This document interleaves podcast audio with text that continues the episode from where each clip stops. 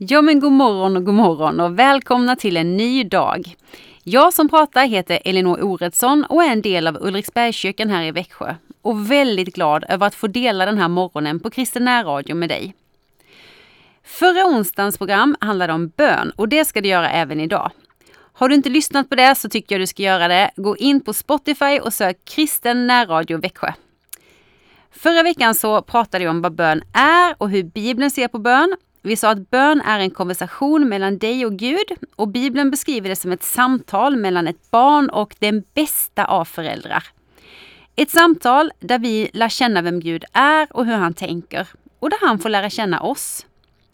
Vi sa att bön inte bara är en helig vädjan eller vackra tankar utan för med sig en Guds kraft i vilken huvudvärk kan släppa, magåkommor kan försvinna och asylsökande kan få uppehållstillstånd. Idag ska vi bli lite mer praktiska och vi ska prata om hur vi kan be och hur vi kan skapa goda vanor för att hålla bönen vid liv. Jag tror på att avsätta tid i bön, en liten stund varje dag. Men jag tror också på att hålla bönen levande under dagen. Eh, och jag ska försöka förklara hur jag menar och hur det kan se ut.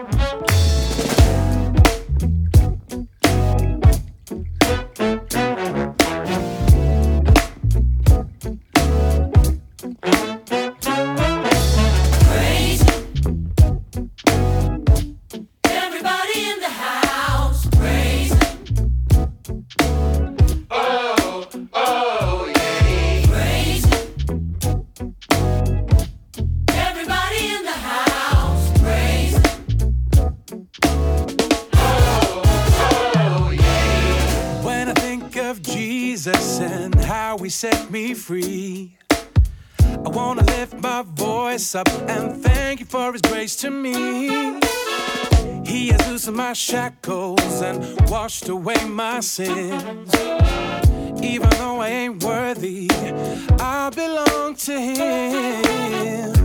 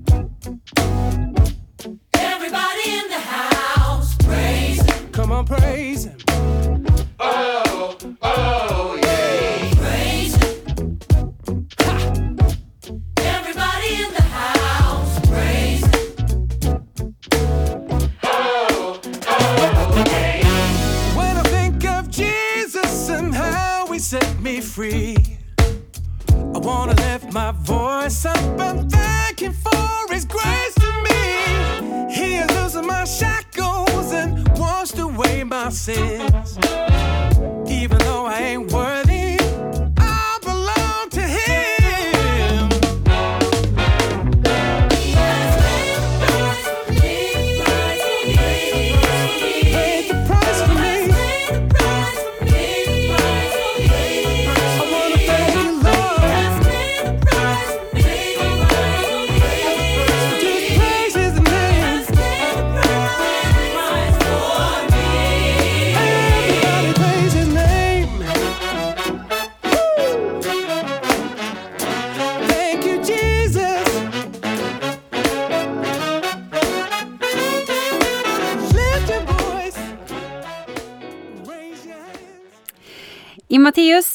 6 och 5 så ger Jesus oss ett tips och ett önskemål tror jag. Han säger så här. Och när ni ber ska ni inte vara som hycklarna som älskar att stå och be i synagogorna och i gathörnen för att synas inför människor. Jag säger er sanningen, de har fått ut sin lön. Nej, när du ber, gå in i din kammare, stäng din dörr och be till din far som är i det fördolda. Då ska din far som ser i det fördolda belöna dig. Gud, han vill ha egen tid med oss. Han vill ha vårt hjärtas innersta, inte våra fina ord. Och att stänga dörren om sig och umgås ostört med Gud, det är det bästa som finns.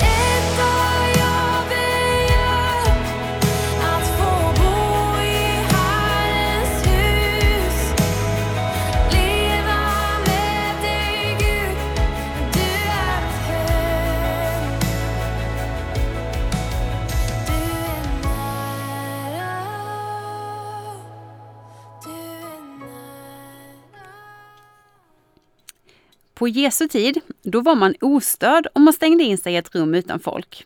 Riktigt så enkelt är det inte idag, i alla fall inte om man har en smartphone. När jag pratar om bön för ungdomar så brukar jag säga att vår tids dörr, det är mobiltelefonen. Och när Jesus uppmanar oss att stänga dörren om oss för att inte bli störda, ja men då får vi göra det. Men vi får också stänga vår telefon eller lämna den utanför. Annars kommer det inte dröja länge förrän det är någon som plingar på vår uppmärksamhet. Men vad gör man då där inne? Hur börjar man? Vad säger man? Ja, men att skapa en ostörd plats åt sig och Herren, det är väl en bra början till en koncentrerad bön. Men för mig, som har en ganska aktiv hjärna, så blir det lätt att jag tappar fokus när jag ber. Och det finns ju alltid en risk också att bönen blir lite obalanserad och mer liknar en önskelista till tomten än ett faktiskt samtal med Gud. För några år sedan läste jag en bok som heter Att söka äktheten av Bill Hybels. Den kom att bli öppningen för ett helt nytt kapitel i mitt böneliv. I boken berättar författaren hur hans, böcker, hur hans böner fick fokus och riktning och, viktigast av allt, förblev regelbundna när han började nedteckna sina böner i en bok avsedda för personlig andakt. Jag kände igen mig på pricken och jag köpte en anteckningsbok med olinjerade blad och satte igång. Att be med penna och papper, det hjälper mig att hålla fokus.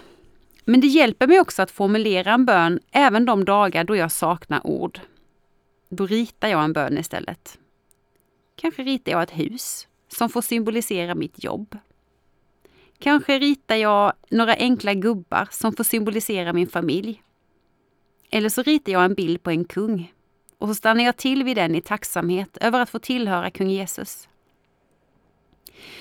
Oavsett om du, har, om du ber med penna och papper eller ej, så tror jag det är sunt att ha en mall i bönen att utgå ifrån. Här kommer fem rubriker baserade på bönen Fader vår. tillbedjan, bekännelse, tack, hjälp och lyssnande. Vi börjar med den första, tillbedjan. Vår far som är i himlen. Helgat vare ditt namn. Vi börjar som Jesus lär oss med att fästa våra ögon på Fadern och upphöja hans namn. Här kan man skriva en strof från en lovsång, en saltasalm eller din enkla kärleksförklaring till Gud. Du kan beskriva Guds egenskaper eller hans namn. Gud vår läkare. Gud vår herde. Gud, du är underbar i råd, evig Gud, väldig far. När vi gör det så blir Herren stor för oss och saker och ting får rätt perspektiv.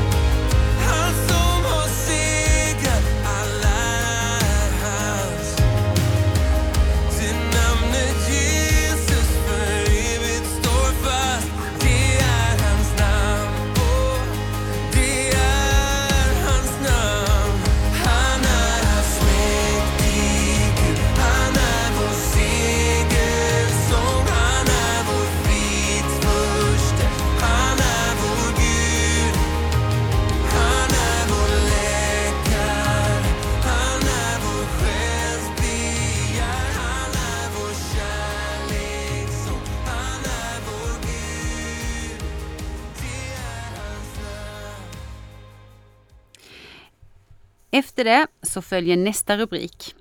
Bekännelse. Och förlåt våra synder så att också vi förlåter dem som står i skuld till oss. I första Johannesbrevet 1 och 9 så står det Om vi bekänner våra synder är han trofast och rättfärdig så att han förlåter oss våra synder och renar oss från all orättfärdighet. När Bibeln pratar om synd så är det allting som skiljer oss från Gud de fel och misstag som vi gör varje dag. Romarbrevet slår fast att vi alla har syndat och saknar härligheten från Gud. Men vi behöver lämna av oss det och be om förlåtelse. Varje dag. Då förlåter Gud oss våra synder. Men det gör också någonting med oss att varje dag stanna upp och reflektera över vårt handlande och våra ord. Efter tillbedjan och bekännelse så får vi visa Gud vår tacksamhet. Var alltid glada, be utan uppehåll och tacka Gud i allt. Detta är Guds vilja med er i Jesus Kristus. Det står det i Första Thessalonikerbrevet 5 och 16. Att tacka Gud för vem han är och för vad han har gjort och vad han gör, det är ju egentligen inte så konstigt. Självklart ska vi göra det. Han är värd vår tacksamhet. Jag tror att det finns en dubbel hemlighet här. Och det här gäller inte bara troende. Så här skriver Patricia Tudor Sandahl i förordet till sin bok Ökad livsglädje genom tacksamhet. Livet är fullt av överraskningar om man låter sig överrumplas av dess härlighet. Den dag vi slutar ta saker för givna så kommer vi uppleva underverk på löpande band. Då vi bestämmer oss för att se på våra liv och våra dagar ur tacksamhetens perspektiv börjar vi kunna uppfatta det mirakulösa i det vardagliga. Att vara rädd om sin förmåga att hänföras är att hålla sin aptit på livet intakt. När Gud uppmanar oss till tacksamhet så vet han att det är nyckeln till förnöjsamhet, till välbehag, frid och glädje. Han vet att tacksamheten är ett beskydd mot avundsjuka, jämförelse, oro och självömkan. Så min vän, glöm aldrig bort att tacka Gud i bön. Här kommer en av mina favoritlåtar i världen. Give Thanks. Här framförd av Stephanie Gretzinger och Melissa Helser.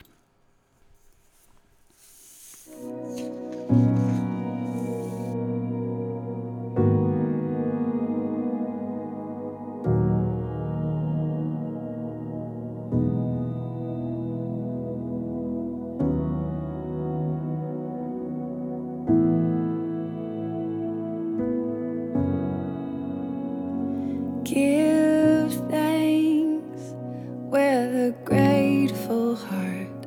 Give Holy One. Give thanks because He's given Jesus Christ, His Son.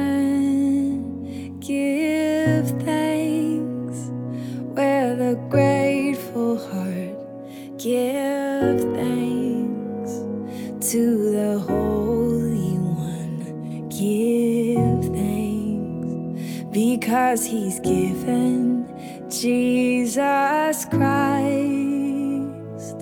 his son.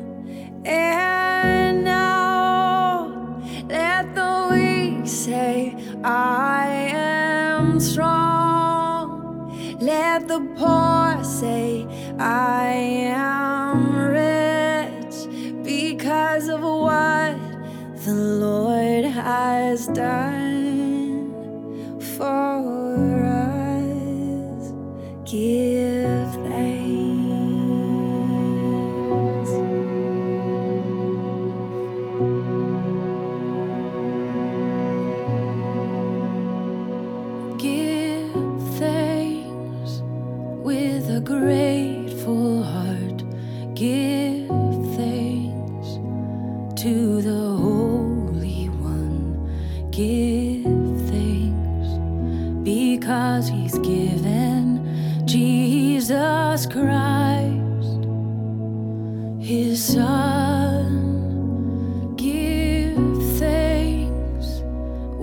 a grateful heart, give thanks to the Holy One. Give thanks because He's given Jesus Christ.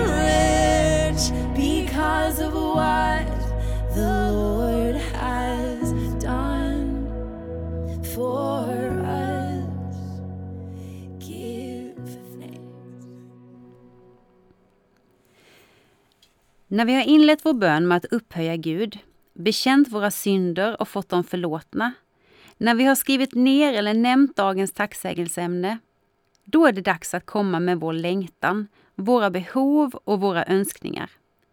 I Filipperbrevet 4 och 6 står det Bekymra er inte för något, utan låt Gud i allt få veta era önskningar genom åkallan, nej, genom bön och åkallan med tacksägelse. Då ska Guds frid som övergår allt förstånd bevara era hjärtan och era tankar i Kristus Jesus. Jag har periodvis haft svårt för den här punkten. Vem är jag att komma till Gud med mina välfärdsproblem när så många i vår värld svälter, lider eller rövas bort? Men det är ingen biblisk tanke. Gud är 100% intresserad av varje unik människa oavsett livsvillkor. Och det finns ingen graderad skala på hur ansträngt man måste ha det för att ens önskningar ska få kvala in. Nej, låt Gud i allt få veta era önskningar. Det finns inget som är så stort att det inte får plats i Guds näve. Inget för litet för att han inte skulle bry sig om det. Under den här rubriken så kommer vi till strofen Låt din vilja ske. Låt ditt rike komma, på jorden så som i himlen. Ge oss idag vårt dagliga bröd. Guds goda vilja det är att alla människor ska få lära känna honom. Att varje person på den här jorden ska få leva i fred och frid, känna glädje och tillhörighet. Att maten och resten av världens resurser ska vara jämnt fördelade över länder och folk. Att ingen sjukdom ska finnas, ingen gråt, ingen klagan. Så här kommer det inte bli fullt ut och till hundra procent för en himmel och jord blir ett. Men det är Guds vilja för oss och vi ska be om att det ska bli på jorden så som det är i himlen. Förutom mina egna bönämnen och den lista på personer som jag ber för just nu så brukar jag här be Gud om ett mjukt hjärta. Att han ska få forma mitt sinne så att det liknar hans. Att jag ska få se på min omgivning med hans ögon och få en liten del av hans kärlek för de människor som jag har runt omkring mig. Jag ber dig Gud Ge mig kärlek och ett hjärta som är stort Som kan visa på din kärlek för vår jord som du gav din son. Jag ber dig Gud. Lär mig att älska med en öppen famn som du. Med kärlek som gör att alla gränser suddas ut. Tänd lågan så stark att alla ser att du finns här. Gud, låt mitt leende få berätta vem du är och som du älskar. Älskar alla ifrån fattig och till rik. Du format och skapat oss unikt med varsamhet du är vår fader. Så lär mig att älska med en öppen famn som du. Med kärlek som gör att alla gränser suddas ut. Tänd lågan så stark att alla ser att du finns här. Få berätta vem du är. Låt mitt liv, Gud, få visa vem du är. Att din kärlek aldrig någonsin kan ta slut. Låt mitt liv, Gud, få visa vem du är.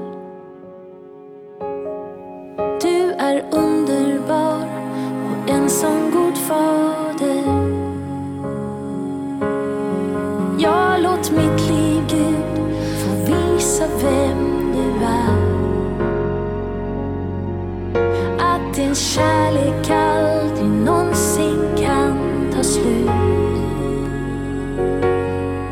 Ja, låt mitt liv, Gud, få visa vem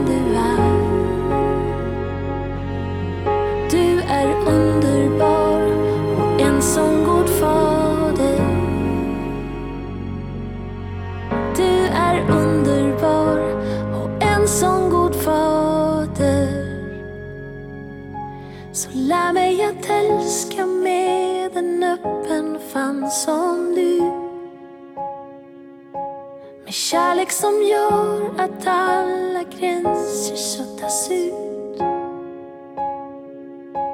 Den lågan så stark att alla ser att du finns här.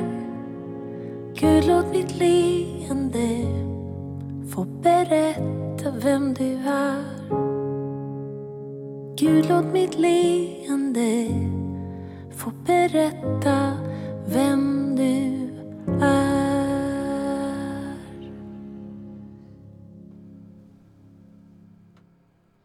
och det här var ju fantastiska Sara Lundbäck Bell med Lär mig att älska.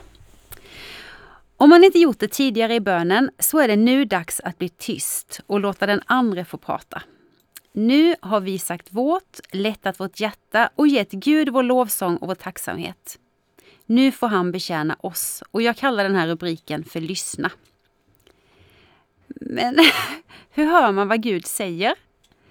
Ja, alltså Gud talar ju till våra tankar och våra sinnen. Ibland så kan man få en bild eller ett bibelord. Ibland påminner Guden om en låt som får bli till uppmuntran eller vägledning. Ibland kan man känna en doft som kan vara talande. Och ibland så hör man ingenting.